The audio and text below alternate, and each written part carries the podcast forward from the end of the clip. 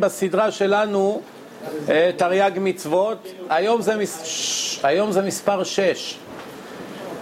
אנחנו הגענו למצווה 120 מתוך 613. כל יום והמזל שלו, כן? יום רביעי אני אהיה כאן שוב. יש לפעמים אני מצליח לעשות בקושי 20, 20 אה, בשיעור, ולפעמים אפשר 40, תלוי במצווה עצמה, כן? בכל מקרה בואו נראה מה יועיד לנו השעה הבאה. מה תועיד לנו? בואו נראה. אז אנחנו גמרנו במצווה האחרונה, רק לרענן את הזיכרון, אם בית דין טעה בהוראה. ישבו החכמים ועשו טעות, הורו על דבר שאסור לאכול אותו, שמותר או, או הפוך, או שאמרו משהו מסוים וזה יצא לא נכון בהלכה. אז עכשיו צריכים הסנהדרין הגדולה להקריב, 71 חכמים, להקריב קורבן אם הם טעו, כן? אבל על איזה עבירות? על עבירות חמורות שחייבים עליהן כרת. למשל, הם אמרו משהו שמותר לעשות אותו בשבת, ובסוף התברר שזה חילול שבת. וכל העם שמע בקולם, כן? אז עכשיו, מה שכתוב בתורה, ואם כל עדת ישראל ישגו, ונעלם דבר מעיני הקהל וכולי, אז מה כאן צריך לעשות? להקריב קורבן. זו המצווה האחרונה שדיברנו עליה. היום אנחנו, תודה, מדברים על מצוות קכ"א, שזה 121, מצוות קורבן חטאת. כל פעם שאתם שומעים את המילה חטאת, תזכרו שזה שוגג. על עבירות שבלי כוונה, חילל שבת בלי כוונה, חשב שיום ראשון, טעה, כן? אתן לכם דוגמה, למשל אדם עכשיו נמצא באמצע האוקיינוס והסירה שלו, הוא, הוא שט חודשים בים והסירה שלו, עכשיו הוא רואה שבת, עוד מעט מתחיל חושך, הוא עכשיו עוצר את הספינה, כל השבת הוא בספינה, כן? אבל מה קרה? הספינה לאט לאט אה, שטה נגיד עוד איזה עשרים מטר ימינה או שמאלה ובאמצע הים יש כזה דבר שנקרא קו התאריך אתם יודעים מה זה קו התאריך? מצד אחד של הקו זה שבת, מהצד השני זה יום ראשון כן? אם עכשיו אתה הולך עשרה מטר שמאלה, זה שם יום ראשון. אתה חוזר, זה נהיה שבת. זו שאלה מאוד מעניינת בהלכה, יש כזה דבר. למשל, אה, אוסטרליה, ניו זינלנד, יפן, הם מקדימים אותנו בהרבה שעות. ששם שבת, פה זה יום שישי בבוקר בכלל. שם כבר שבת. אם אתם זוכרים, בשנת 2000 פחדו שהעולם ייגמר, כל המחשבים יקרסו, אה, YK 2000 קראו לזה. ביג 2000. כן, אבל אני, אני כבר ידעתי למשל שלא קרה כלום בגלל שהם שם הרבה שעות קדימה ושם כבר נהיה חצות, פה היה יום שישי, לא קרה שום דבר, לא באוסטרליה, לא בניו זינלנד אז אם שם לא קרה, אז למה שיקרה באמריקה? אז כבר יחסית הייתי רגוע, אבל יש כאלה שלא ידעו את החשבון הזה, אז כל השבת הם היו במתח. למה? בגלל שהם לא ידעו, כולם אמרו, אתה יכול לבוא לבנק ונמחק לך כל הכסף. הבנק איבד את כל הנתונים, לא, עכשיו לא ידעו כמה לכל אדם היה לו בחשבון, יהיה בלאגן גדול. יצטרך להביא קבלות, הוכחות, אה, סיפור, משפטים, שנים, הכל פה יתמוטט. ככה הכינו את האנשים. אתם רובכם צעירים, אנחנו מדברים על לפני 11 שנה. הייתם תינוקות אתם, רובכם. בגנון או בכיתה ב'. אז לא היה לכם עוד חשבונות על כסף, מה יהיה, מה... יש לי 100 דולר בחשבון, אני עלול לאבד את זה, מה, מה יהיה? כל השבת לא, לא נחו אנשים. אבל יש אנשים שיש להם הרבה מיליונים. כל החיים שלהם מכרו לשטן כדי להרוויח כסף. ועכשיו פתאום עומד להילחק להם הכל, אז הם היו בלחץ, מאוד במתח. אבל זה, אני מראה לכם מה זה קו התאריך. אתה עובר את הנקודה הזאת, זה כבר, זה תלוי איפה אתה בכדור הארץ, זה הקו, מפה זה ככה, מפה זה, זה מאוד מעניין. בכל מקרה, אדם לא ידע, נגיד, חצה בטעות לקו של שבת. עכשיו הוא חשב שהוא ביום ראשון, הוא כבר שמר שבת, המשיך לשוט, פתאום בטעות עקר את הקו, עכשיו הוא נמצא בשבת שם. שאלה עכשיו, יכול להיות שעכשיו הוא עשה משהו, פתאום התברר לו, אחרי שהוא גמר את הטיול שלפני חודש, הוא נסע ונכנס במקום של שבת, שלוש שעות, הוא שט בשבת, הפעיל את הגז, את האונייה. אז עכשיו זה נקרא חילול שבת בשוגג למשל. אדם לא ידע ששבת.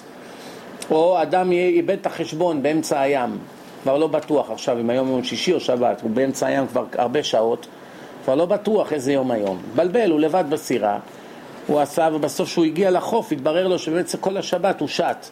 כל מיני דברים כאלה, או שהוא לא ידע שהדבר הזה אסור בשבת. כל הדברים האלה זה קורבן חטאת, בגלל שזה נחשב בשוגג, כן? זה נחשב שוגג. אז זה מצוות קורבן חטאת ליחיד ששגג במצוות לא תעשה שחייבים עליה כרת. כל מקום שכתוב בתורה שמי שעבר על העבירה הזאת חייב עליה כרת, אם זה היה במזיד, בכוונה, אם עשו את זה בשוגג, פטור ממוות, אבל צריך להביא קורבן חטאת. אמרתי כבר פעם, קורבן חטאת זה לא צחוק. זה צריך לעזוב את העבודה, לנסוע עם עגלה וסוס לירושלים עשרה ימים, ועד שאתה מקריב, ועד שאתה חוזר, חודש ימים אתה מחוץ לביזנס. אם אתה פועל, בטוח שיפטרו אותך. אם אתה בעל עסק, בטוח שתפשוט רגל. וכל זה זה על פעם אחת חילול שבת בטעות. הדלקת אור בשבת בטעות. אוי, שבת, נגמר. אתה צריך עכשיו לקחת קורבן לירושלים, לעמוד בתור, בית המקדש, קורבנות, סיפור. רק על חילול שבת אחד. עכשיו תאר, תאר לך עכשיו, אחד קיבוצניק, ובחיים שלו לא לימדו אותו מה זה שבת, ועכשיו פתאום התברר לו באיזה גיל מסוים שעד היום הוא חילל אלף שבתות ובכל שבת הוא עשה מיליון פעולות שכל אחד מהם זה חילול שבת בשוגג. כמה כבשים הוא צריך להביא? יש משנה כזאת במסכת שבת, פרק שביעי. בגמרא אני חושב שזה עמוד ע"ג, כמדומני, יש את המשנה הזאת. כל החיים היה שגיגה אחת, או שהוא ידע באמצע ואחר כך עוד פעם שגג. כמה כבשים צריכים להביא על כל מלאכה ומלאכה, על כל שבת ושבת, על כל החיים. יש בזה דינים, זה מאוד מעניין. בכל מקרה, מה אני מראה לכם פה? אדם עכשיו עשה טעות והוא צריך להביא קורבן חטאת. כן? למה? בגלל שהוא לא ידע והתחייב משמיים חטאת. מצווה 122, מצוות עדות. מצווה להיות עד, כן? מה זה מצווה להיות עד? להגיד את העדות שראינו בפני הדיינים בכל מה שנדעהו, את כל הפרטים, לא להעלים. שואלים אותך עכשיו, ראית את פלוני רוצח? לא נעים לך, שכן שלך, דוד שלך, לא יודע מה, טוב, אם זה דוד אסור לך, אתה לא עד נאמן, אבל אתה מספר את הסיפור, כן? בכל מקרה, יש דינים מתי אתה יכול להיות עד, מתי לא, אבל בכל אופן, עכשיו אתה לא נעים לך, אתה אומר, אתה יודע מה, אני לא אגיד הכל, אני אגיד רק 80 אחוז. למה להחמיר איתו מסכן? גם ככה הולכים להעניש אותו. אתה חייב להגיד את כל האמת, לטוב ולרע. כן? מספיק לפעמים בעדות שאתה משמיט פרט אחד קטן, כל העונש משתנה. אם אמרת את הפרט הזה, מוציאים אותו להורג. אם העלמת את הפרט הזה, לא עושים לו כלום, שחררים אותו. כן? למשל, שואלים אותך, תגיד לי, בזמן שהוא הרג, הוא, שהוא ירה, הוא ראה את הבן אדם או שלא? אז אתה אומר, אתה אומר, אני לא בטוח. ואתה כן בטוח, ראית שהוא כיוון עליו. אתה אומר לו, האמת, אני לא בטוח, הוא לא, לא יודע, אולי הוא ירה על ציפור ופגע, אולי סתם התאמן, אני לא, לא, לא יודע. אז ברגע שאמרת לא יודע, אי אפשר להוציא אותו להורג, אמרנו. כי לא ידעת שהוא כיוון על מישהו וירה בו. אז עכשיו, פרט אחד קטן שינית, הכל אמרת, וואה, תפסת רובה בשעה שתיים, פגע באדם הזה, ועם רובה כזה, וככה, והבן אדם מיד מת, וככה, וזה, הכל אמרת, פרט אחד קטן שינית, הכל השתנה. לכן אתה אשם. שחררו את הרוצח הזה, אתה אשם על זה. או אם הרגו בן אדם בגללך, בגלל ששינית פרט אחד בעדות, שפכת דם נקי, כן? לכן, כן, זה לא רק בנפשות, מדובר כאן בממונות גם. כן, פרט אחד קטן אתה מוציא מההסכם, כל הדין משתנה. חייבים לומר את העדות לפני בית דין, אבל יש חילוק בין דיני ממונות לדיני נפשות. זה לא אותו דין. למשל, בדיני ממונות אין אדם חייב להעיד עליהם מעצמו, אלא אם כן יתבעהו בעל הדבר. אם ראית עכשיו עוולה כספית בין ראובן לשמעון, אתה לא מחויב לרוץ לבית דין ולדווח על זה. אם ראית את ראובן רוצח את שמעון, אתה חייב לרוץ לבית דין ולהלשין עליו. אם אתה לא, אתה שותף לעבירה. אבל אם ראית עוולה בדינים, אם הזמינו אותך להעיד, אתה חייב. אם לא, אתה לא חייב. למה? כסף וחיים זה לא אותו דבר. למרות שהרבה פעמים בתורה כסף נקרא דמים. שאם גנבת דמים, אתה צריך לשלם דמים. למה קוראים לזה דמים? כי נתת דמים נתנת מהדם שלך להרוויח את הכסף הזה ומישהו גנב לך את זה, אז נחשב לו שהוא גנב לך כך וכך חודשים מהחיים. תלוי כמה זמן לקח לך להרוויח את הכסף הזה, כן? לכן, אף על פי שזה נקרא דמים, בכל זאת כולם מבינים שזה לא ממש רצח. זה כמעט כמו. לכן זה לא אותו דין. אז אם יתבעהו בעל הדבר, או זה שתובעים אותו, או זה שתובע, מזמין אותך להעיד, זה לא כמו פה, אתה אומר לא ראיתי. פה אתה יכול להגיד לשוטרים, I was here, but I didn't see. אז לא יקראו לך, כי אתה לא רוצה לבזבז זמן בבית משפט. מי ישלם לך? אתה הולך עכשיו, מעיד על איזה כושי שרצח את חברו. מה אכפת? או, או שגנב לו ארנק. מה זה עכשיו מוסיף לי לחיים שלי? אתם מבינים מה, אני עכשיו אפסיד יום עבודה בשבילו? אז אני מה אומר? אני אומר לשוטר, שמע, I didn't see anything. בכלל שגם מסוכן, יבוא, יהרוג אותך, יתנקם בך. אז מה אתה אומר? לא ראיתי. אבל אם זה דין של דין תורה בין שני יהודים, אתה לא יכול להגיד לא ראיתי. אם אומרים לך, אנחנו מזמינים אותך לתת עדות, אתה חייב לבוא, כן? ובדיני נפשות ובעדות שאר איסורים שבתורה. למשל, ראית את חברך עובר איסור, כן? חוץ ממה שאמרנו, רצח וכאלה, נגיד היכה את חברו, שבר לו יד, הוריד לו דם מהראש, עיוור אותו, עשה אותו בעל מום, כל הדברים האלה, כל זה חייב אדם לבוא מעצמו ולהגיד העדות לפני הבית דין, כדי למנוע עוולה בישראל. אבל עניינים של כסף, הוא לא שילם לו, גנב לו, הוא החזיר לו רק חלק מההלוואה, אם אתה מזמין אותי אני בא, אם לא, עזבו אותי בשקט, כן? עד כאן ברור? עכשיו, המצוות האלה, המצווה הזאת של מתן עדות, זה רק מדובר על איש. אישה לא יכולה למסור עדות בבית דין. מה פירוש? יכולה, וגם מתחשבים במה שהיא אומרת, אבל אי אפשר להרשיע בן אדם על עדות של אישה או שני נשים. חייבים שיהיה לפחות שני גברים. למה? אפשר לקחת את מה שהאישה אומרת ולחקור, לחקור בזכות מה שהיא סיפרה, אפילו גוי למשל, גוי בא אמר לך, I saw that Jew shooting the other Jew. אתה לא יכול עכשיו להרשיע אותו על עדות של גוי. כי התורה אמרה מי מוסמך להעיד ומי לא. אבל בעקבות המידע שקיבלת מהגוי, אתה יכול לפתוח בחקירה ולחפש עדים יהודים עד שתמצא, או שלחקור, או שלהאזין לו לטלפון ולשמוע אותו מודה בעצמו שהוא רצח, או להפעיל עליו לחץ, יש נגדך עדים וכולי וכולי. מה קרה? חבר? כן. אל תסובב אותו אליי, אל תבוא, שלא יבוא אליך. שיעמוד במקום. כן, וכהן גדול אינו חייב להעיד אלא עדות למלך בלבד. אדם שזה לא לפי כבודו, לא מבזבזים עכשיו לכהן גדול או למה שנקרא בימינו ראש ממשלה או נשיא, בשביל שיבוא להעיד על 50 דולר שראובן גנב לשמעון. זה לא הגיוני, כן? לקחת את זה, או מלך, להביא אותו שיעיד על איזה סתירה שיהודי נתן לחברו. כל הדבר הולך לפי כבודו. אז אה, כהן גדול, הוא היחיד שהוא מחויב בכבודו, זה מלך. לכן אם יש לו עדות על מלך, לטוב או לרע, אז כהן גדול צריך לטרוח, כן? ומלכי ישראל לא מעידים על אף אחד, ואחרים לא יכולים גם להעיד נגדם, לבוא ולהעיד נגד המלך בפניו. כן? זה, זאת אומרת, אתם רואים שלמלך יש חסינות.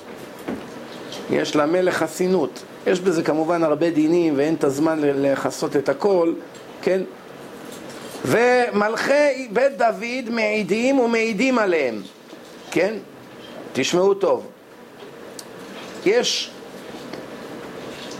שני סוגי מלכים, יש מלך רגיל ויש מלך ממלכות בית דוד. למשל, שאול המלך הוא ממלכות בית דוד? לא. לא. יש הרבה מלכים שבאו אחרי דוד שהם לא ממלכות בית דוד. אבל דוד, שלמה, רחבעם, אלה כולי, כל אלה, זה נקרא מלכות בית דוד. אז אפשר, אפשר להעיד נגדם, והם מעידים נגד אחרים. כן? והרמב"ם אומר, כותב הרמב"ם, עיקר העדות הוא בדיבור, לא בכתב. האם אפשר למסור עדות בכתב? אתה כותב, אתה נמצא בחוץ לארץ, שאתה שולח מכתב ולפי זה מרשיעים אותו. זה עמל בדוד. אי אפשר, למה? בגלל שאתה צריך לעמוד בפניו של האדם שאתה מעיד נגדו ואז להגיד את העדות. זה לא אותו דבר שאתה כותב מכתב, אתה יכול לכתוב מה שאתה רוצה, אין לך בושה, לזה שאתה עומד בפנים של בן אדם ומשקר זה הרבה יותר קשה. עצם זה שהבן אדם שם הוא מטיל עליך אימה, אז אתה יותר מדייק. כן, אתה מדייק, אבל אם אתה סתם כותב מכתב, מה, אף אחד לא יודע מי אני, במילא. או כמו שיש עדויות נסתרות במשטרה, הם לא אומרים לך מי העד. יש לנו עדות עליך שעשית ככה וככה וככה. עכשיו, אתה יודע שזה נכון, אתה יודע שעשית, אבל אתה לא יודע מי זה, ללכת להתנקם בו. הם לא מגלים לך, כן? וכולי. למה לבן דוד מותר ולמה לישראל אסור?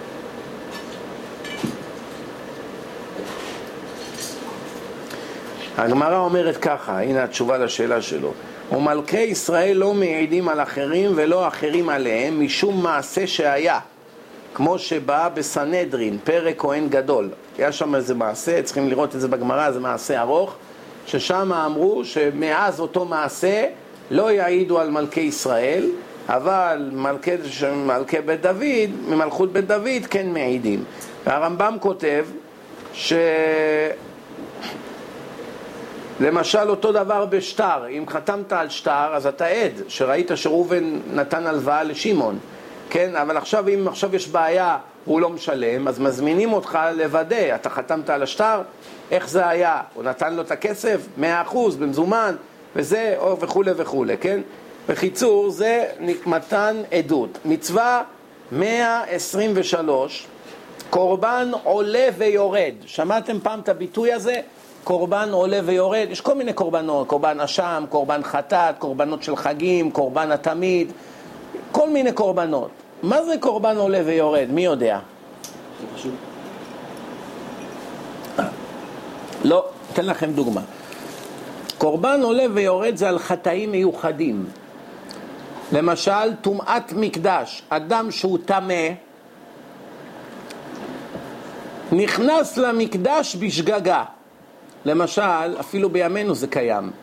המסגד של המוסלמים, יש כאלה הולכים לשם, עולים להר הבית, לראות ביופי של האומנות. עכשיו, אתה לא יודע בדיוק איפה היה המקדש, עד איפה, קודש הקודשים. אתה נכנס למקומות שאסור לדרוך שם, כי הקדושה לא פקעה מבית המקדש לעולם. למשל, הר סיני, ביום שקיבלו תורה, מהרגע שמשה ירד מההר והתפזרו, פקעה ממנו הקדושה. זהו. אין קדושה שם. יש שם כבשים, חמורים, מטילים צואה, גללים, אין שום בעיה. אתה יכול לישון שם, לטייל שם, מה שאתה רוצה. אבל בית המקדש, אין הקדושה פוקעת ממנו לעולם. למה? מה ההיגיון? איפה היה צריך להיות יותר מקום קדוש? מקום שפעם אחת ויחידה בהיסטוריה הקדוש ברוך הוא ירד על ההר ודיבר ומיליונים שמעו אותו ונתן תורה ועשרת הדיברות, או בניין שבנו עם ישראל? לכבוד השם. איפ, מה יותר חשוב? איזה מאורע יותר חשוב? זה גם מוכיח שזה עוד פעם יבוא, כי זה דבר נצחי. אה, ברור שזה... אבל עד שזה יבוא, כרגע אין כלום. מה יש שם? אין בבית המקדש. מה יושבים שם? הישמעאלים, יושבים שם ערבים, מה יושבים שם? יושבים ביניהם, יש הרבה רוצחים, לא חסרים שם אנשי חמאס וזה, שנכנסים לשם, כל מיני רוצחים, תומכי טרור. אז איזה קדושה יש שם? אז אתה רואה שהקדושה נשארה במקום. התשובה היא דבר שעם ישראל נתנו את הנשמה שלהם בו במצווה הזאת, אי אפשר לבטל ליותר את הקדושה של הדבר הזה. הר סיני לא התאמצו כלום, עמדו וקיבלו, מה עשו? אבל בנו בית מקדש, עבודה של חודשים, של הכנה ובניינים ולבנים, תראה רק את הכותל, תראה להביא את הלבנים לשם כמה הזיעו. ראיתם את הלבנה התחתונה מתחת בחפירות של הכותל או לא? ראיתם או לא? היא יותר ארוכה מאוטובוס. ראיתם פעם אבן שהיא יותר גדולה מאוטובוס?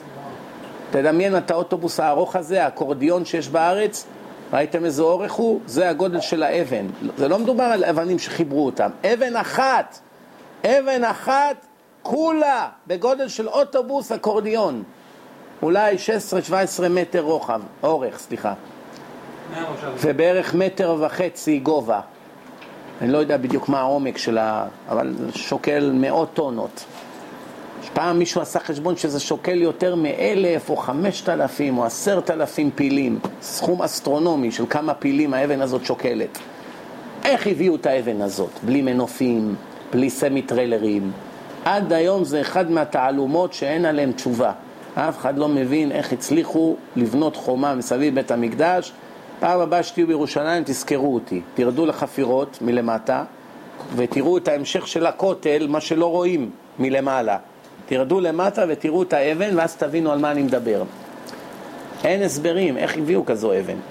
איזה, איזה גלגלים השתמשו, אפילו היום בימינו, אם אתה רוצה להביא כזו אבן, איך, עם איזה, כל semi-trailer שתשים את זה עליו, על המקום יקרוס מהמשקל. זה משקל עצום. איך, איך תרים את האבן הזאת, אפילו מילימטר באוויר, איך תרים אותה? איך הביאו אותה? אפילו תביא 500 איש שינסו להרים את זה, לא ירימו. אלף איש לא ירימו. ואין מקום.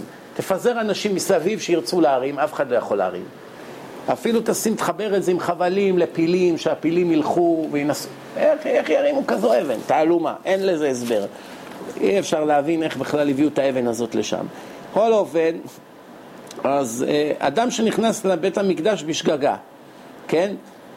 או שהביא קודשים, קורבן קודשים, יש קודשים קלים וכולי, כל מיני קודשים, והוא טמא, או שאכל בשר קודש, שקודש קודשים מהקורבנות, והוא טמא, הוא עשה את זה בשגגה, הוא לא ידע, אחר כך התברר לו שהוא טמא, או ששבועת ביטוי, מה זה? הוא נשבע לשקר על דבר לעשות או לא לעשות. הוא נשבע לעשות כזה דבר, כן? ושאר, וכל מיני, יש כל מיני סעיפים בזה, אין לי עכשיו זמן להתחיל להיכנס לכל זה כי לא נגמור, כן? או שנשבע לחברו שאינו יודע לו עדות. החבר שלו אמר, תשבע שאתה לא ראית, הוא נשבע והוא כן ראה, הוא משקר, בין בשוגג בין במזיד. חטאים כאלה אדם מביא קורבן עולה ויורד. קורבן עולה ויורד. מה זה קורבן עולה ויורד? לפי מצבו הכלכלי של החוטא. אם הוא עשיר, הוא צריך להביא בהמה מדושנת, שווה הרבה כסף. אם הוא עני, מביא משהו יותר קטן. עוד יותר עני, ציפור אפילו. דברים שכמעט לא עולים כסף, כן? שנאמר, ונפש כי תחטא, ושמעה כל עלה, מה זה כל עלה? זה שבועה. כל שבועה שהשביעו, אם יודע עדות, אם לא יגיד ונשא עוונו. זאת אומרת, יש עליך עוון עכשיו. מה זה עוון? מה ההבדל בין חטא לעוון? מי יודע? זה בלי כוונה וזה בשביל. יפה, חטא זה בלי כוונה. עוון זה, אביתי זה בכוונה, במזיד. לא, בשביל הכיף זה פשעתי. לא, בשביל להכעיס. כן, בשביל, כן, לאו דווקא, זה אפילו סתם במזיד, לא בשביל הכיף. מרוויח כסף, לא יודע, מקבל כבוד, לא יודע מה. וסוף העניין, כתוב והביא את אשמו וכולי, ללמדנו שחייב בקורבן בין בשוגג בין במזיד. ואמרתי, בקורבן הזה הכל תלוי מה מצבך הכלכלי. אם אתה אדם עשיר, אז אתה צריך להביא משהו, כן, שהוא שווה. אם לא, אז אתה יכול להביא עוף, אפילו קמח. יש כאלה גם עוף אין להם כסף להביא. כמה עולה תרנגולת בימינו? עשרה דולר. תאר לך היום אדם עכשיו עשה כזה חטא, היה בימיהם אנשים שלא יכלו להרשות לעצמם להביא עוף. לא יכלו להביא עוף. אז מה היו מביאים? קמח. לוקחים חיטה, שיבולים, קוטפים בשדה, טוחנים את זה, מלשים את זה עם מים, מביאים לך קורבן, סולת וכולי, כן? וכולי. למה? לאחר שריחם הקדוש ברוך הוא עליו ופטרו בכך, שמביא רק uh, קמח, כן? אינו בדין שידחק עצמו להביא ביותר ממה שתשיג ידו. עכשיו נגיד הוא הולך לוקח הלוואה ומביא כבש, אסור. מה אתה רואה מפה? נו, מי הבין מפה משהו לימינו? אם עכשיו אני, אומרים לו אתה חייב, כן? אתה חייב להביא לפי יכולתך, ויודעים שהוא עני, הוא חייב כספים, אין לו כסף, אומרים לו תביא קמח. כמה עולה קמח? כלום, חצי דולר. והוא הולך מביא כבש. אומרים לו, איפה הבאת כבש? הוא אומר, לוויתי, לוויתי מידות שלי. זה טוב או לא טוב? היינו אומרים, תראה איזה צדיק, אין לו מה לאכול, הלך הביא כבש. לא רצה להביא קמח. הלך הביא תרנגול. מה הולך פה? איזה צדיק. התורה אומרת לא. אפילו בשבת אסור. לא, אומר, אומרת התורה לא. למה? כי אחר כך זה יביא אותו לידי גזל. מה רואים מפה? שהאדם אסור לו לקחת הלוואות שהוא לא יכול לעמוד בהן. הרבה פעמים אנשים באים ואומרים, תלווה לי, תלווה לי, אני רוצה לפתוח עסק. תלווה לי. אוקיי, נלווה לך. נו, ואז אם העסק לא ילך, איך תחזיר מאה אלף דולר? מאיפה תחזיר? השם יעזור, למה אתה פותח פה לשטן? יש להם תשובות לכל דבר, לגאונים האלה. לא, בטח שילך, זה ביזנס מאה אחוז. תאמין לי, שלושה חודשים אני בודק. מה בודק? הפרנסה הולך לפי המיקום? זה מה השם רוצה. אם השם לא רוצה שיהיה לך חנות, לא ילך לך באף מקום. לא, בדיוק כשתקנה אחרי שבוע וולמרט יפתחו לידך. גמרו אותך. הנה חבר שלי אחד מסכן, שלא הולך לו בפרנסה. יש גם, אה, בכלל זה סיפור מעניין למה כבר כמה שנים לא הולך לו בפרנסה. אבל מרוב שהוא חטף מכות, הכסף האחרון שנשאר לו, וחלק מזה גם היה הלוואות לדעתי, הלך פתח איזה חנות של מעדניה, גרוסרי, של מוצרי, אה, מוצרים מהארץ, כל מיני גבינות וכאלה מהארץ, של תנובה וכאלו, ובדיוק אחרי שבועיים שלוש, אחרי שהשקיע שם המון כסף וסידר את החנות והכל, קוסקו מעבר לכביש התחילו להביא מוצרי חלב מישראל. תנובה, מוכרים גבינה מלוכה, מוכרים גבינות כאלה, הכל בחצי מחיר. הוציאו אותו out of business, תוך חודשיים הוא סגר. מה אתה רואה מפה? הכל בחשבונות שמיים, ובאמת שהוא פתח, זה היה אמור להיות מכרה זהב. אף מקום לא היה בעיירה הזאת שום כזו חנות, ושם הרבה יהודים עשירים, וכולם היו אמורים למות על החנות שלו. אבל אלה ממול פתחו בחצי מחיר, ובמילא כולם קונים שם, אז כבר אתה שם. מה עכשיו, תלך לעוד חנות? אז, אז אף אחד לא נכנס אצלו. ולמה האדם הזה הגיע לכזה מצב, שהקדוש ברוך הוא זיכה אותי שהוא היה בגיל 38 להחזיר אותו בתשובה, ובגיל 41 הוא ישב אצלי בשולחן שבת והתחיל לבכות על מר גורלו, שהוא כבר בן 41, הוא היה אז איש עסקים מאוד מצליח. היה לו חברה, חנויות, משרדים, מכונית מפוארת, רהיטים top of the line, כל רהיט אלפי דולרים. היה חי בסטייל, כמו שאומרים. ואומר לי, עד מתי הקדוש ברוך הוא יענה אותי? מה, הוא לא רואה כמה אני סובל? מאז שחזרתי בתשובה אני לא נוגע בנשים, לא עושה עבירות, כבר עוד מעט שלוש שנים. מה, אני עשוי מברזל? אני חייב להתחתן, אני לא ילד, אני בן 41. אמרתי לו, אני יש לי שאלה אליך. אם עכשיו הקדוש ברוך הוא יגיד לך, אני מוכן לתת לך אישה צעירה, דתייה, צדיקה, כל מה שאתה רוצה, בתנאי אחד שאתה מוותר על כל מה שיש לך. אתה נשאר רק עם חליפה, גופייה, תחתונים, זהו זה, הכל הלך, שום דבר לא נשאר לך. אבל אתה מקבל בתמורה אישה, תקים בית, אישה, ילדים וכולי. אתה מוכן? אז הוא כעס על השאלה. אמר לי, איזה מין שאלה זאת? אתה שואל אותי, והיה אורחים בבית גם. אמר לי, איזה מין שאלה זאת? אמרתי לו, סתם, אני שואל, אתה מוכן? חושב כמה דקות, אומר, כן, אני מוכן. אמרתי לו, יאללה, מזל טוב. לחצנו יד, שלושה, ארבעה חודשים אחרי זה הוא כבר היה בארץ, הכיר בחורה צעירה ממנו בהרבה שנים, דתייה מלידה, כמו שהוא רצה, יפה, צעירה, הביאה לו הרבה ילדים. ומאז הוא רק מפסיד, עד שהגיע לפת לחם. אין לו לקנות כיכר לחם בחנות. כיכר לחם של שתי דולר, אין לו. אין לו לרנט, אין לו לעבודה, אין לו כלום. נשאר חצי הומלס. ככה נהיה. קיבל אישה וילדים, אבל הלך כל הכסף. חברה פשטה רגל, הכל הלך. תראו מה זה כוח של מילה בשמיים. ובמיוחד אם זה בתקיעת כף. אז אחד אמר, אז זה לא היה הסכם טוב. אז אמרתי לו, אל תדאג, אם היית עכשיו מחזיר אותו אחורה כמה שנים לאותו יום שהוא היה רווק, ושואל אותו, אתה מוכן להחזיר את הגלגל אחורה לגיל 41 ולא תתחתן. תשאר רווק כל החיים, אבל יהיה לך כמה מיליונים. לא, בלי ילדים. תמות מהעולם בלי ילדים. הוא היה מסכים? לא. לא היה מסכים. נכון שהוא סובל עכשיו בפרנסה, אבל הוא לא היה מסכים. אם עכשיו תבוא לאדם, תגיד לו, לוקחים ממך ילד אחד, נחזיר לך את כל הארבע מיליון שהפסדת, אבל ילד אחד תקריב על המזבח. הלך. מחר תאונה, יעלה עליו אוטו ומת. או שלא יקום בבוקר. אבל נחזיר לך את הארבע מיליון שהפסדת. אתה מוכן? יש אחד כזה בעולם שיסכים? לא יסכימו, נכון? אלא אם כן הוא חולה נפש. יש כאלה שהם חולים על כסף, אז הם מוכנים למות בשביל דולר. כבר ראינו מקרים כאלה שאנשים נשדדו על 50 דולר והתחילו מכות עם איזה כושי והרג אותם. ויש לו 100 מיליון דולר ועל 50 דולר הוא רב מכות. אני פעם זוכר שהיה איזה בחור אחד ישראלי שהיה לו חנות לביפרים. עוד פעם, זה שאתם הייתם עם חיתולים. אז עוד היה ביפרים, לפני 15-17 שנה. מה זה ביפר? אתם אפילו לא יודעים מה זה ביפר. אז היה מין כזה מכשיר שלא היה טלפון, לא היה פלאפון, לא היה סלולר פון.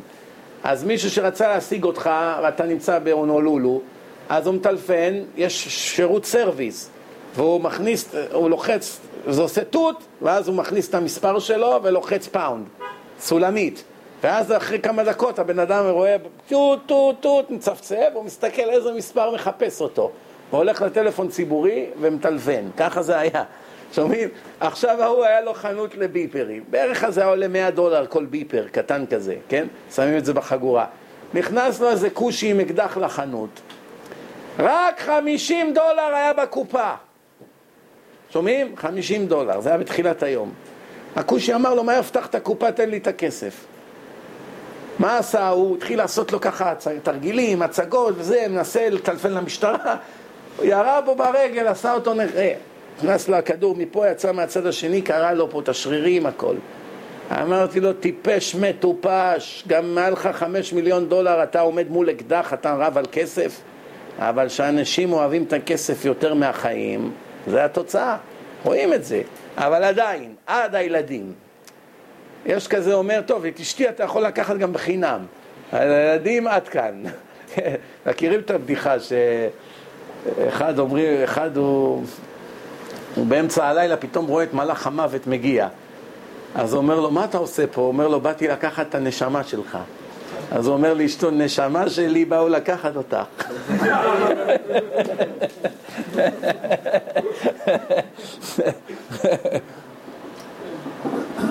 יש איזה אחד, אימא של אשתו התחילה לטבוע בנהר. היא צועקת, משה, משה, תציל אותי. אז פתאום הוא מוציא סידור, מתחיל להתפלל תפילת מנחה. אז אומרים לו, מה אתה עושה עכשיו? תקפוץ, תציל את אימא של אשתך. הוא אומר, אני לא יודע, כתוב בשולחן ערוך שמתפללים שק... מנחה בשקיעת החמה. החמה שוקעת, מתפלל מנחה. בסדר, יש לכם הצתה מאוחרת. בסדר, הלאה, נתקדם. אז מצווה קכ"ד, 124, שלא להבדיל הראש בחטאת העוף. שלא יפריד הכהן מן העוף הבא לקורבן, שומעים? והוא נקרא חטאת העוף, הראש מן הגוף כשימלוק אותו. היום שהולכים לעשות כפרה, מה עושים הקצבים? עורפים את הראש, נכון? שנאמר, הוא מלק את ראשו ממול עורפו ולא יבדיל. אז אתה שוחט את הצוואר של הציפור, אבל לא לגמרי. לא כורתים לה את הראש. משאירים רק את כל הקנה והוושת חתוכים. שומעים? נו, נו, מה יהיה? חזרנו להפרעות. דרך אגב, שתדעו לכם, אתם שומעים? שתדעו לכם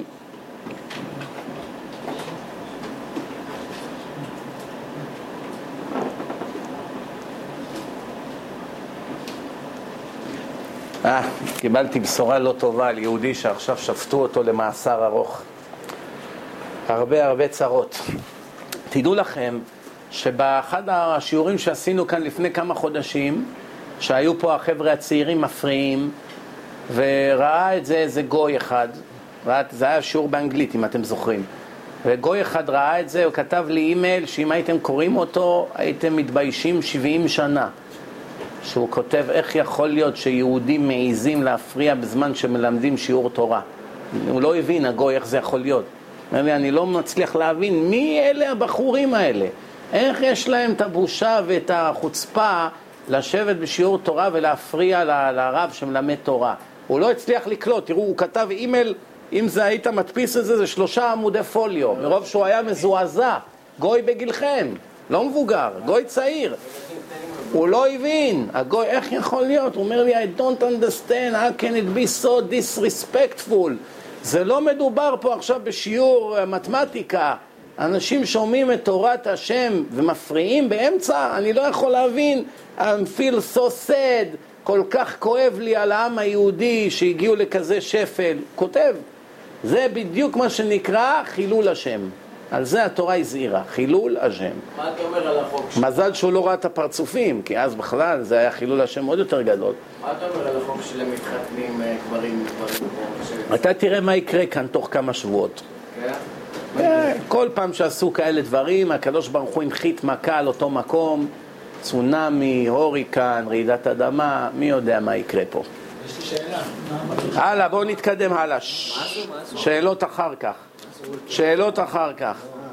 אז אמרנו, חבר'ה, מה זה, מי יודע מה פירוש המילה מלק?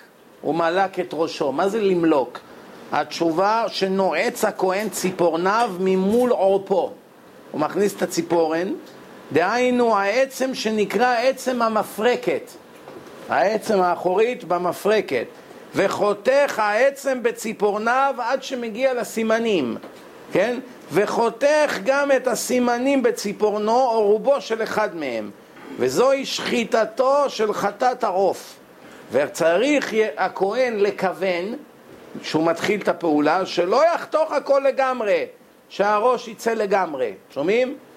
את הרוב של הגרון, אבל לא את כולו. הלאה, זה מצווה 124. יש מצוות פה שאנשים אפילו שלומדים בישיבות מעולם לא שמעו. אתה יכול ללמוד עשר שנים גמרא, אתה רואה את הסדרה הזאת שאנחנו עושים עכשיו, פתאום אתה אומר, אה, מצווה הזאת אף פעם לא שמעתי אותה מימיי. יכול להיות עשרים שנה בישיבה. למה? למד זה, למד זה, אבל לא הגיע למצווה הזאת, אף פעם הוא לא... לא... לנו, תראה, קודם כל אנחנו, היום בימינו, מתוך 613 מצוות, רובם לא נוגעות לנו בכלל. אבל זה השכלה כללית, חייב כל יהודי לדעת מהם התרי"ג מצוות שהשם נתן. עכשיו, אם אתה רוצה להעמיק, אפשר על כל מצווה הרי ללמוד שנים, אין לזה סוף. אבל אפשר קצת להעמיק, נגיד יום אחד להשקיע על כל מצווה בחיים, ללמוד את כל הדינים הכלליים שלה. מתי, באיזה זמן, מי החוטא, מתי, עשיר, עני, כהן, כהן גדול. יש בזה הרבה דינים. בית המקדש קיים, לא קיים, זה, מה קורה שזה ככה, יש הרי הרבה שאלות מסביב לכל דבר. ואז אתה מבין טוב את התורה. תורה שבכתב, אתה מבין אותה טוב. זה לא אומר שזה נוגע לימינו. גם היום יש מצוות שנוגעות לימינו, לך זה לא נוגע, למשל. למשל, אתה לא שוחט. אז יש כמה מצוות בתורה שהן נוגעות רק לשוחט. אתה לא בוס, אין לך פועלים. אז כל המצוות ביומו תיתן שכרו, ולא לגנוב אותו, ולא לאחר לו, ושלא תשקע השמש, זה לא נוגע אליך, כי אתה לא, אין לך פועלים. יש כל מיני מצוות שנוגעות לאנשים מסוימים, יש מצוות רק לאישה. למשל נידה וכל זה, טבילה, מקווה, כל הדברים האלה, ושאומרת שבעה נקיים וכולי, זה לא נוגע לגבר, אין לו נידה, זה לא נוגע אליו, כן? וכולי וכולי, כן? אז הלאה, נתקדם הלאה. מצווה 125, שלא ליתן שמן זית במנחת חוטא. עכשיו חוטא, עני, שאמרנו שהוא מביא מנחות, אתם זוכרים שבוע שעבר קראתי לכם כל מיני סוגי מנחות, קמח, שמן, סולת, כל הדברים האלו. זה נקרא חוטא עני. למה? חוטא עשיר אינו מביא מנחת קמח לעולם. חוטא עשיר לא נותנים לו להביא קמח בדולר. מה פתאום? הוא צריך להביא בהמה. כי הוא מביא קורבן כמו שכתוב בתורה. אבל השמן הוא רמז למעלה ולגדולה. שמן זית מכל השמנים זה השמן הכי משובח. עכשיו שמרביעים, עכשיו מנחה של חוטא שהוא עני. זה שהוא עני, הקדוש ברוך הוא נתן לו הנחה. באמת, הוא היה צריך להביא כבש. אבל עכשיו הוא מביא קמח עם סולת וכולי, והוא שם שמן, אבל לא שמן זית. למה שמן זית? כי שמן זית הוא שמן משובח, משתמשים בו למנורה של בית המקדש וכולי. שאם אתה מערבו בכל משכין, הוא צף על כולם. כל, כן, שמן, כל משקה שתערבב שמן איתו, תמיד השמן יצוף. מה שלא, לא רק מים, כל סוגי המשקים. כל, תשים יין, השמן יצוף, תשים חומץ, השמן יצוף, תשים uh, וויסקי, השמן יצוף. תמיד השמן יצוף מעל הכל, כי המשקל הסגולי שלו הוא הכי, הכי נמוך.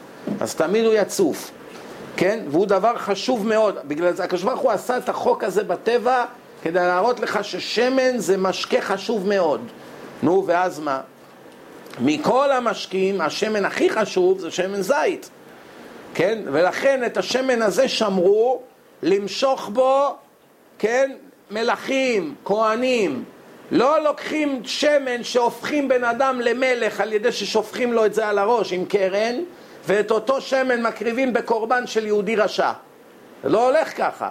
זה או משתמש למלוכה ולכהונה ולדברים גדולים, או לחטאים. אבל לעשות את אותו דבר עם אותו שמן, זה השם אמר לא לעשות. כן? לכן, אסור להשתמש, תזכרו, בשמן זית, וכל העובר עליה לוקה. מה הפירוש? מכים אותו מלקות עם שוט בבית דין. אחד שערבב שמן זית במנחה שלו. מצווה 126, שלא לתת לבונה. יש תבלין שנקרא לבונה. הצורי והציפורן והחלבונה והלבונה, משקל 70-70 מנה, מור וקציעה ושיבולת נרד וחרקום, משקל 10, 16, 16 מנה, הכוס 12, קילופה שלושה, קינמון תשעה. כל הסממנים האלה של הקטורת, כולם הם טובים מלבד אחת. מה היא? לבונה. לבונה זה ריח נורא.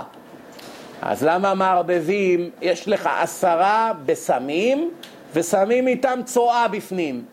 תחשוב רגע עכשיו, אתה מביא ריח בושם כזה, בושם כזה, מי שושנים, מי ורדים, זה, פתאום אתה לוקח, אני יודע מה, צואה מהשירותים ומערבב את הכל ביחד, או שתן. אז מה עשית בזה? מה רצו כאן ללמד? התורה רצתה ללמד שרוצים לעשות מניין, חייבים עשרה יהודים כשרים. זו דהיינו שומרי תורה ומצוות, שומרי שבת. כל אלה שמעלים ריח רע במעשים שלהם ובהתנהגות שלהם, מה שקוראים בימינו לא שומרי מצוות, אלה יכולים לצרף אותם לתפילה רק אחרי שיש עשרה כשרים בבית הכנסת. אם אין עשרה שומרי שבת, אי אפשר להתפלל. כל אחד הולך לביתו, אי אפשר להוציא ספר תורה, אי אפשר להגיד קדיש, אי אפשר להגיד ברכו, אי אפשר לחזור, קדושה, כלום. חייבים עשרה שומרי שבת. ואז מ-11 ומעלה, מצווה לקרב את אלה שחוטאים. לא שזורקים אותם, הפוך, בוא, תצטרף, תלמד, מקווים שהוא יחזור בתשובה, כן? אבל זה אך ורק בטור 11.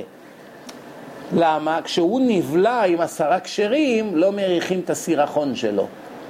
זה גם הסוד של מניין. אם אתה יודע שאתה לא אדם צדיק, אתה מתפלל לבד, הקדוש ברוך הוא בודק מי אתה לפני שהוא מקבל את התפילה שלך. לפעמים יכול להתעכב 70 שנה, בגלל המעשים שלך. איך יקבלו תפילה מפה של שקרן, מפה של נואף, מפה של מקלל כל היום? כל היום מדבר שטויות, כל היום מרחל, עכשיו הולך מתפלל, תן לי כסף, אני צריך כסף. למה שייתנו לך כסף? הפה הטמא הזה 20 שעות ביום רק מדבר רע. עכשיו חמש דקות ביום הוא מתפלל, ישמעו לך לתפילה?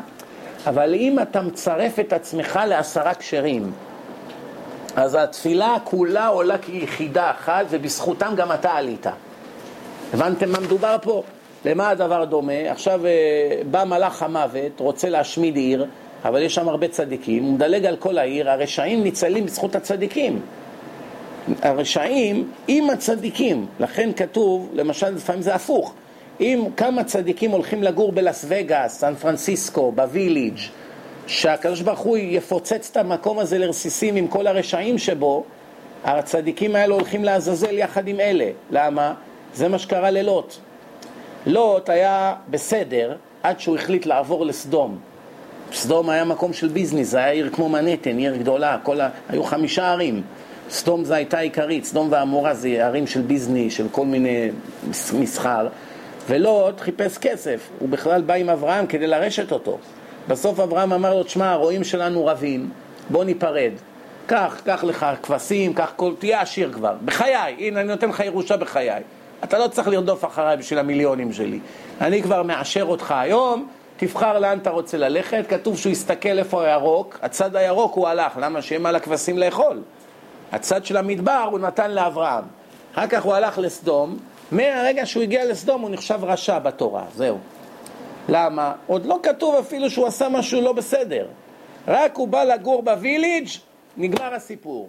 עבר ללאס וגאס, נגמר הסיפור. אם השם משמיד את לאס וגאס, יש שם כמה צדיקים. הם הולכים לעזאזל יחד עם כל האחרים שם. למה? איך יכולת לגור בחברת אנשים כאלה טמאים? איך? למשל, אמרו היום שפה בניו יורק סיטי יצאו יותר מיליון מהמטונפים האלה המשכב זכר וכל אלה לרחובות לחגוג שהתירו להם להתחתן מין במינו. אז אם אתה מבין שיש לך במקום הזה שנקרא מנהטן, ניו יורק סיטי, מיליון טמאים מתועבים כאלה, איך אתה רוצה בכלל לגור במקום כזה?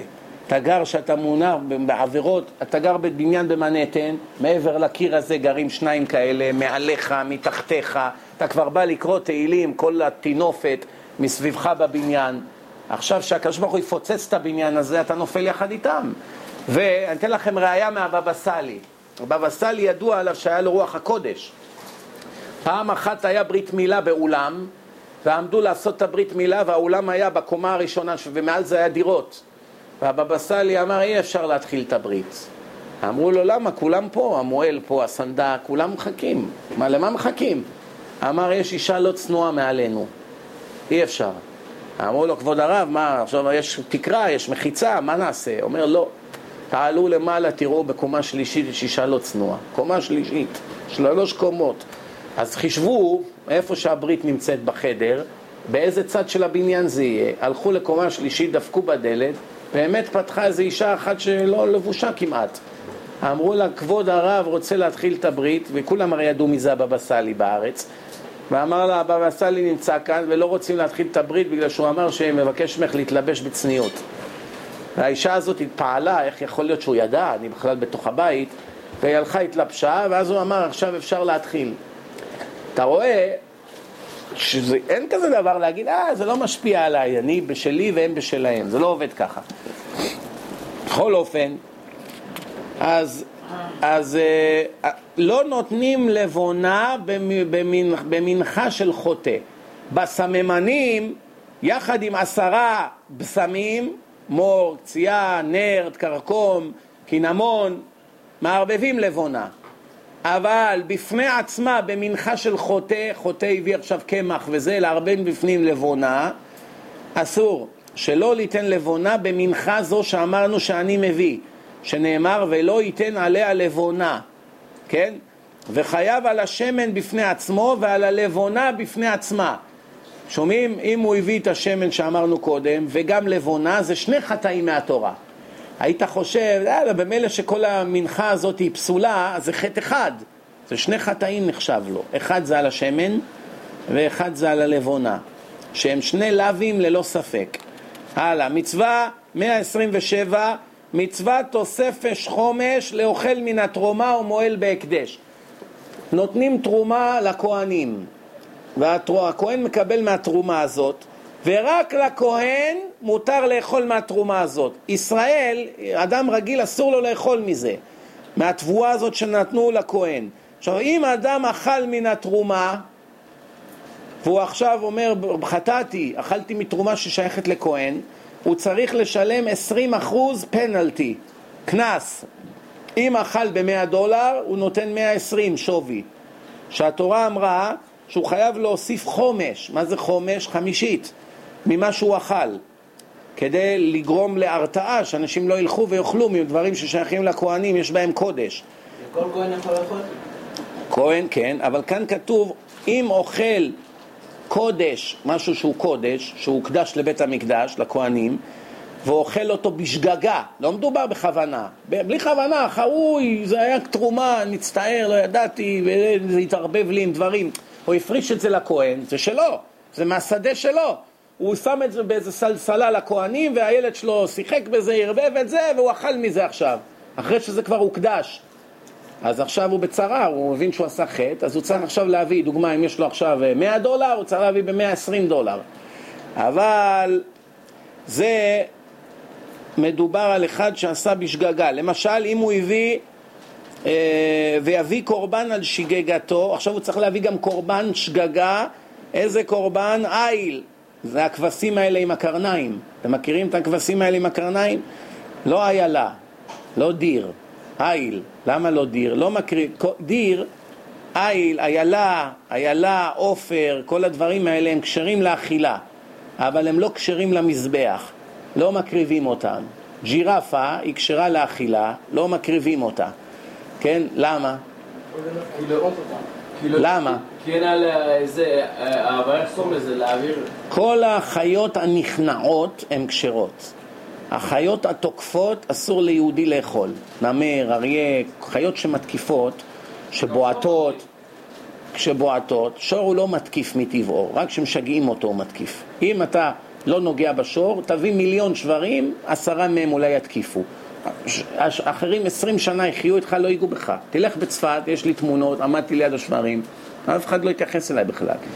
אין להם, רק כשמשגעים אותם, מביאים להם אדום, או ששמים להם כל מיני דברים, מאיצים בהם, אז הם מתקיפים. לכן יש על זה מסכת שלמה בבא קמא, שור שנגח, מועד, תם. סתם שור הוא שור תם. רוב השברים הם תמים, הם אף פעם לא מתקיפים.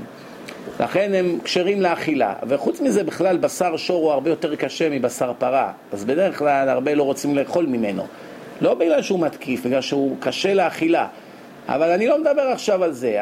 כל הבהמות הנכנעות, שממש נכנעות, הנמרים מתקיפים אותם, הם ישר נכנעים, הם מנסים לברוח, כן, אבל, אבל הם מיד נכנעים, אז הם כשרים. אלה שמתקיפים ורוצחים, הם לא כשרים. אותו דבר אצל הציפורים.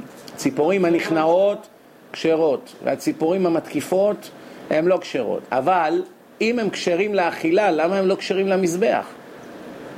למה? כי קשה לתפוס אותם. הקדוש ברוך הוא לא רצה להטריח את בניו יתר על המידה. אם עכשיו היינו צריכים כל יום להקריב אה, צבי, אתה יודע איזה קשה לתפוס צבי? הנמרים בקושי מצליחים לתפוס אותו. שעה הם רצים אחריו בסיבובים עד שהוא נכנע. איך נתפוס אותו עכשיו? קשה מאוד. מה, כל יום לתפוס צבעים לכל העם? אבל כבש, הוא לא יכול לזוז, מה, הוא עומד, נכנע, אתה בא, מרים אותו מהרגליים, שם אותו על הכתפיים, מביא אותו לבית המקדש, אין שום בעיה, כן? אותו דבר פרה, לאן היא תברח, כן? אז זה העניין. כבוד הרב, זברה גם כשרה? זברה לא כשרה. וזברה מתקיפה, תעמוד מאחריה, תראה איזה זוגייה היא נותנת. כן, גם סוס, כן? הלאה. אה, כמה סוגי בעלי חיים יש בעולם, אתם יודעים? מעל שני מיליון.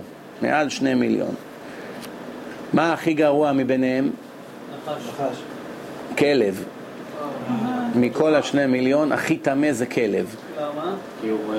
כתוב בתורה שאי אפשר לקחת את המחיר כלב, אתנן זונה ומחיר כלב. שני דברים אסור להקריב לבית המקדש. שאדם מעשה זנות, שהרוויחו עליו כסף ורוצים עכשיו לתרום אותו לבית המקדש, אסור לקבל את זה. ומחיר כלב, אם מכרת את הכלב שלך, נגיד, לא יודע, 500 דולר, אתה רוצה עכשיו לתרום אותו לבית המקדש בזמנם, אסור, אסור. כסף הזה אין בו, אין בו קדושה, אין בו ברכה. וזה הבהמה היחידה בעולם, החיה היחידה שהתורה דיברה עליה דבר כזה שלילי. כל דבר אחר, אתה מוכר אותו, סוס, מה שאתה רוצה, אתה מוכר, אתה יכול לתת את הכסף בבית המקדש, למה לא? כלב, פתאום התורה אמרה, מזה לא. כי הכלבים הם בהמה, הם חיה בעייתית. נכון שהם נאמנים, הם עוזרים לבעל הבית ויש בהם הרבה שימוש, אבל מבחינת טומאה רוחנית הם הכי גרועים, יותר מחזיר. ומה הכי טוב משני מיליון? חמור. חמור. למה? שהחמור זה החיה היחידה שנאמר עליה פטר חמור תפדה בשה.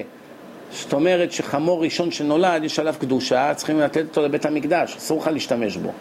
איזה חמור זה בהמה טמאה, ממתי הוא קדוש? אז אתה רואה שיש, הוא, הוא היוצא מן הכלל, לכל דבר בתורה יש יוצא מן הכלל, יש, כן. שמעתי שאסור להניח תפילין ליד כלב, זה נכון? אסור זו מילה קצת קשה, ודאי שעדיף שלא, כן? מה? שאם יש כלב בחדר יש תומה חזקה מדי, משהו כזה. בכלל לא, כתוב, ש... כתוב שמגדלים כלב בבית, זה כמו לגדל חזיר, כתוב.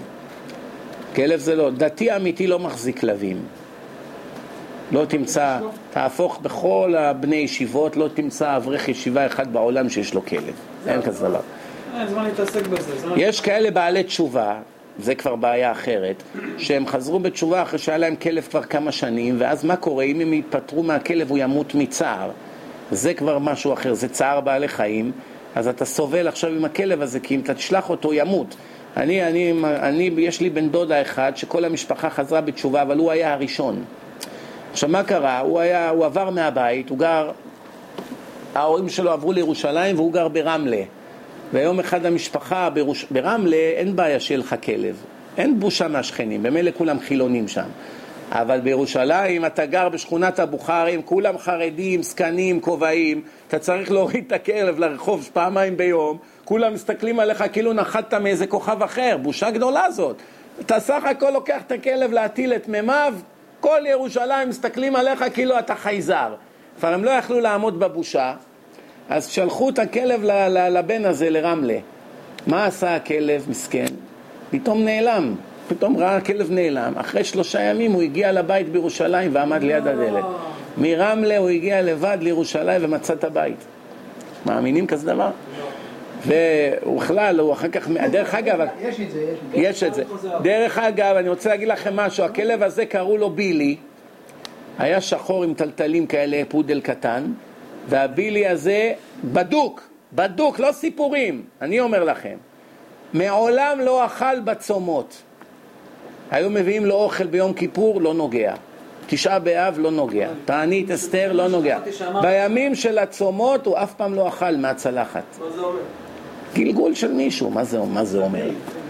כתוב ב- ב- בש- בשאר הגלגולים של הארי שהרשעים הכי גדולים מתגלגלים בכלבים ובעורבים ונחשים ו- ו- ושברים והשם ירחם, יש רשימה שלמה. כן, למשל אלה המשכב זכר שעכשיו שמחים שהם מתחתנים, הם התגלגלו בכלבים. שזה נורא לנשמה. עכשיו, את, עכשיו יש כאלה שאומרים מה רע להיות כלב?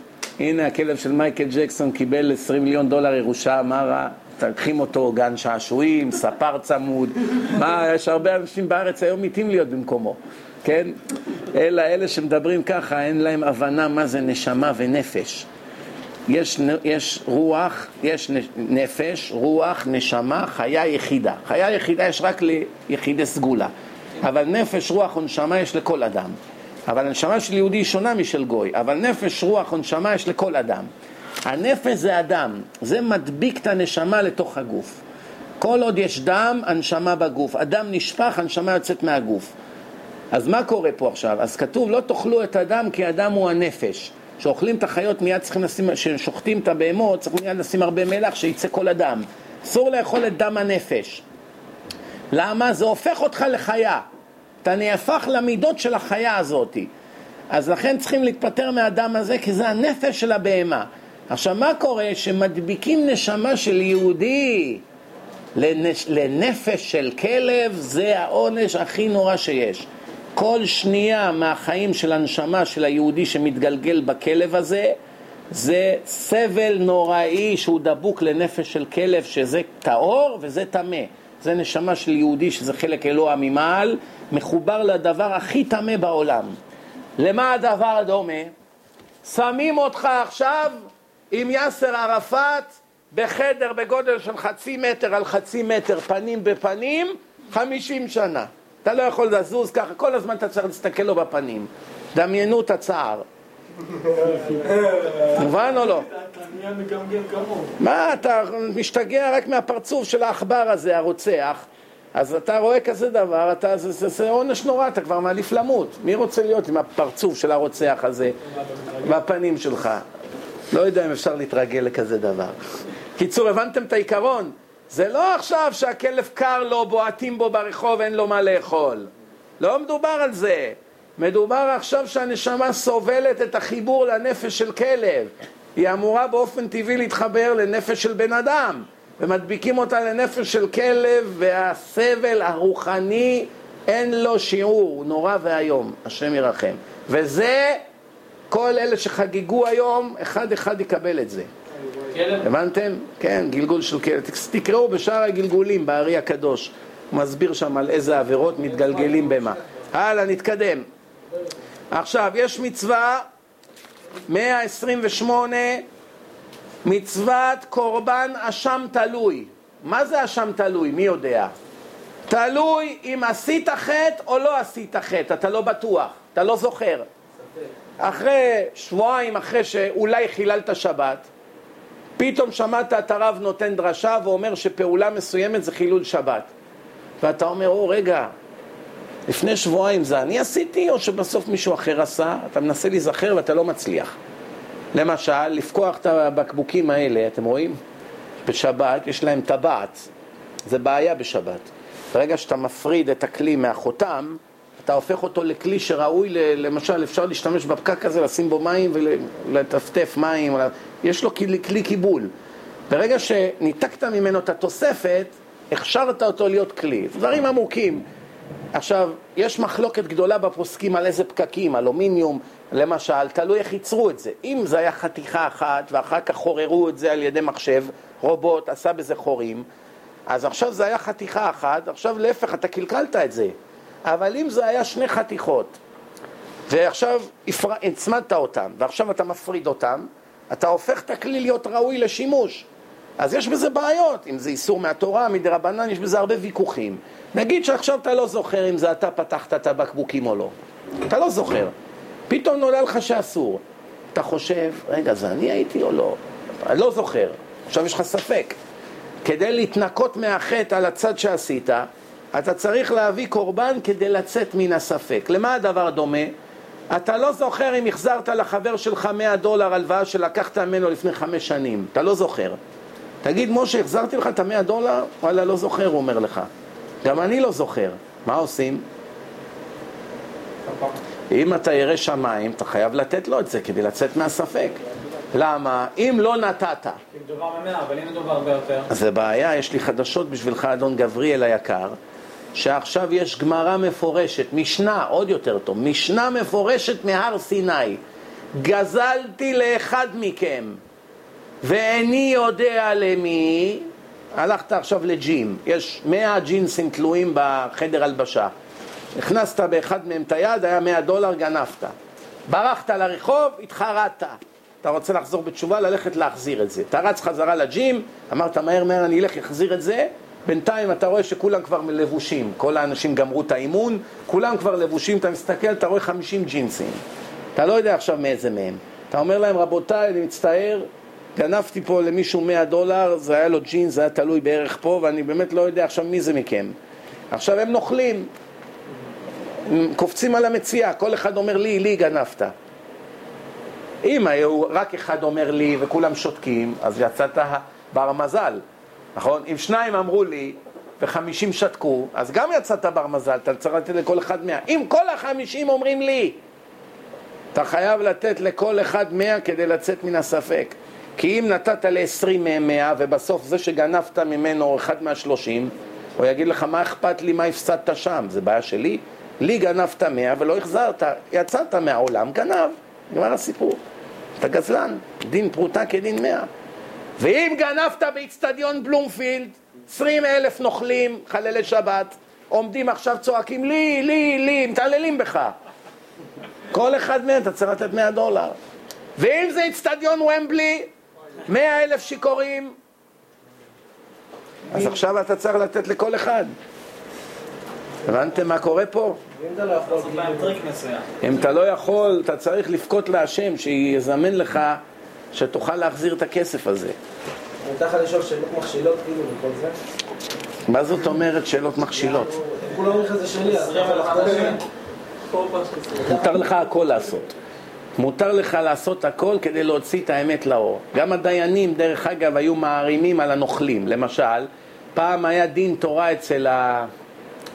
אצל הרמה, ואחד מהאנשים, הוא ראה שהוא שקרן, אבל אין ראיות נגדו. אז אה, הוא ראה שהוא משתמש כל כמה דקות בטבק ששמים באף. אתם מכירים את הטבק, החום הזה, הטחון? שה- שהזקנים היו פעם אוהבים לשים את זה וזה מתעטשים בזה, כן? יש הרבה שאוהבים לשים את זה באף, טבק. אז עכשיו הוא ראה שהנוכל יש לו קופסה יפה מזהב של טבק. אז הוא שאל אותו, אפשר, יכול, אני יכול קצת להשתמש בטבק שלך? פש, טבק משובח. שאל אותו הדיין, בבית דין. אומר לו, בבקשה, הוא שמח, הוא, הדיין מבקש ממני טבק, סימן שאני מנצח פה. אז הוא נתן לו, אז הוא אמר לשמש שלו, רוץ מהר לבית שלו, תגיד לאשתו, בעלי, בעלך אמר לי לתת את השעון הגנוב, מהר להחזיר את זה לבית דין, בגלל שהוא בצרה גדולה, הוא חייב מהר את השעון, והראיה שהוא שלח אותי, הוא נתן לי את הקופסת טבק מזהב, כדי לתת לך סימן שבאמת הוא שלח אותי. שומעים מה הוא עשה לו? והוא רץ מהר כמה בלוקים לאישה, דופק לה בדלת, השעון זהב שיש אצל בעלך, זה היה לפני 450 שנה המעשה הזה, אומר שהוא, אבל ה- ה- זה שבעלך גנב משמעון, הוא אמר לי מהר לשלוח, אות- הוא שלח אותי בשקט, שמהר תתני את זה, הוא בצרה, הוא חייב מהר להחזיר את זה לפני שיפסקו נגדו דין עם קנסות וזה, מהר הוא חייב להחזיר את זה. והראיה, הנה, תראי, הוא נתן לי את הקופסה האישית שלו של הטבק מזהב, זה מה הקופסה של בעלי עושה ביד שלו, כן? אז מיד הוא, הוא חזר עם השעון, וככה הרשיעו את ההוא בדין. ההוא חשב, הרב רוצה טבק. הבנתם? אז זה מראה לך שמותר להרים על הנוכלים כדי להוציא מהם, כן? למשל, אתן לך דוגמה, אם עכשיו חבר שלך חייב לך כסף ואתם בפנימייה ועכשיו ראית את אבא שלו, אבא שלו לא יודע שהוא חייב לך כסף, אומר, והוא לא מחזיר לך את הכסף, הוא חייב לך 100 דולר. האבא שלו אומר, תשמע, הבן שלי משה לומד איתך בפנימייה, נכון? עשה טובה, אתה הולך לשם? כן, תיקח, תן לו 100 דולר, הוא ביקש שאני אשלח לו. אתה אומר לו, אין בעיה, תביא, אני אתן לו. אתה לוקח את ה-100 דולר, אתה לא צריך לתת לו, זה 100 דולר שלך, כן? זה הגיע לידך, כן? מובן? זה לא גזל? לא גזל, מה גזל? לגזול דבר שהוא שלך? איך זה יכול להיות גזל? שומעים או לא? לכן אין כאן שום בעיה. בואו נתקדם הלאה. אה, אז אמרנו, קורבן תלוי, אשם תלוי, מי שנסתפק אם חטא בחטא מהחטאים הגדולים שאדם מתחייב לעשות אותם, שהוא עשה אותם, אם זה במזיד זה כרת, אם זה בשוגר הוא צריך להביא קורבן חטאת, רק הוא לא, הוא לא בטוח אם הוא עבר את העבירה. למשל, היו שני חבר, חתיכות בשר, אחד חלב, מה שהתורה אמרה זה חלק בבהמה שאסור לאכול, ואחד שומן כשר, והם נראים בדיוק אותו דבר.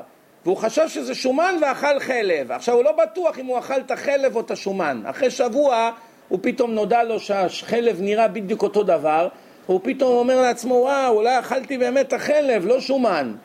אז הוא מסתפק, הוא לא יודע, הוא לעולם לא ידע, אין דרך לברר.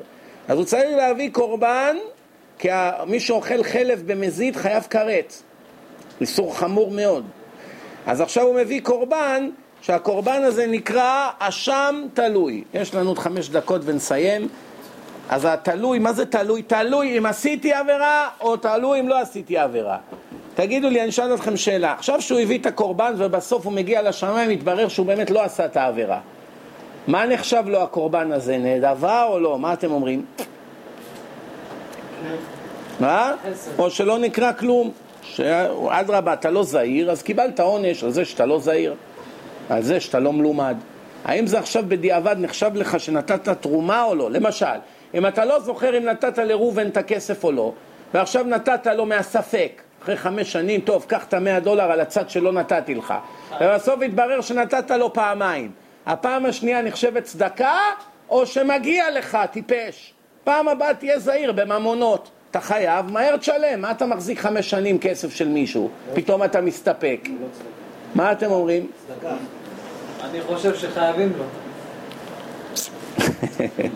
מה, לא צדקה. מה חייבים לו? חייב... חייבים לו, הוא הביא אקסטרה מהספק, וזה אחרי זה כבר חייבים לו בעולם הבא.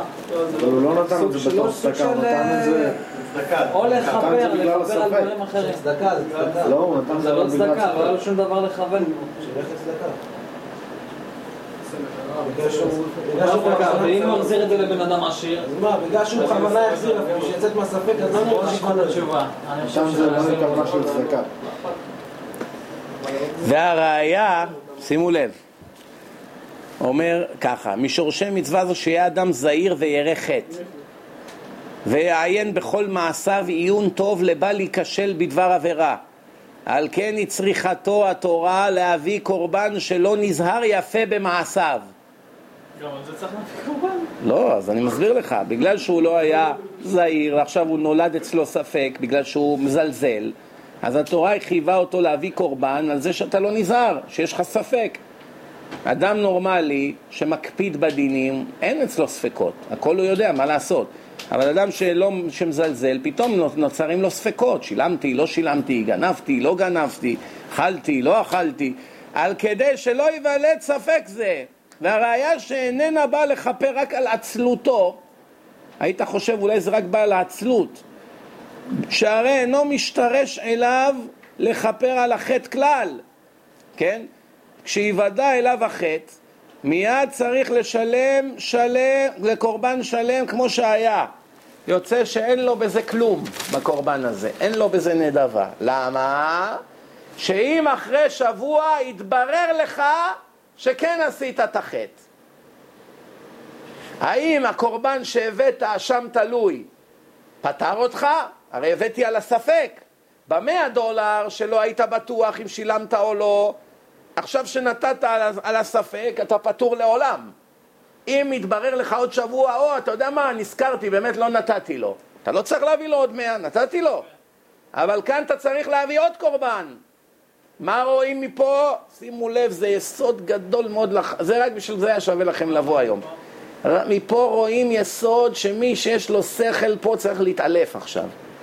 שרק על זה שהעזת לזלזל בחיובים שיש בתורה, שלא היית זהיר, אה, נדאג אחר כך. אה, שילמתי, לא, לא חשוב, אני יום אחד אפתור את הבעיה. זלזלת, התמהמת, לא למדת, לא בדקת, לקחת סיכון של אחד למאה, רק על זה אתה מביא קורבן. ואם עוד שבוע יתברר באמת שחטאת, עוד פעם עכשיו קורבן על החטא. עכשיו זה כבר קורבן חטאת ודאי. לא, זה הקורבן הספק, אחרי שכבר גילית? כן. זה קורבן ספק שאתה מביא. זה לא מועיל לך לכלום. זה רק על הספק שנוצר אצלך בגלל הרשלנות שלך. על זה אתה מביא קורבן. כן. הבנתם אותי? עוד פעם, אני חוזר למי שלא הבין. עכשיו תשמע טוב, אתה בא לבית משפט, השופט אומר לך, תשמע, אתה אה, חייב למשה 100 דולר או לא חייב? אומר לך, אה, תשמע, אה, אני לא בטוח, לא זוכר, אולי שלחתי לו, אולי לא, I, don't remember, אתה אומר. השופט אומר לך, חצוף, דבר כזה שכחת? אלף דולר קנס.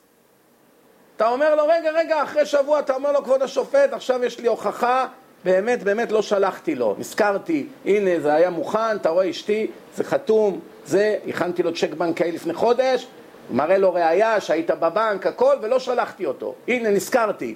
שופט אומר, אוקיי, עכשיו תשלח את הצ'ק. טוב, אבל שלחתי לו, אבל שלחתי לו אלף דולר, מה? זה היה על החוצפה שלך, על זה שאתה רשע, על זה שזה קל בעיניך.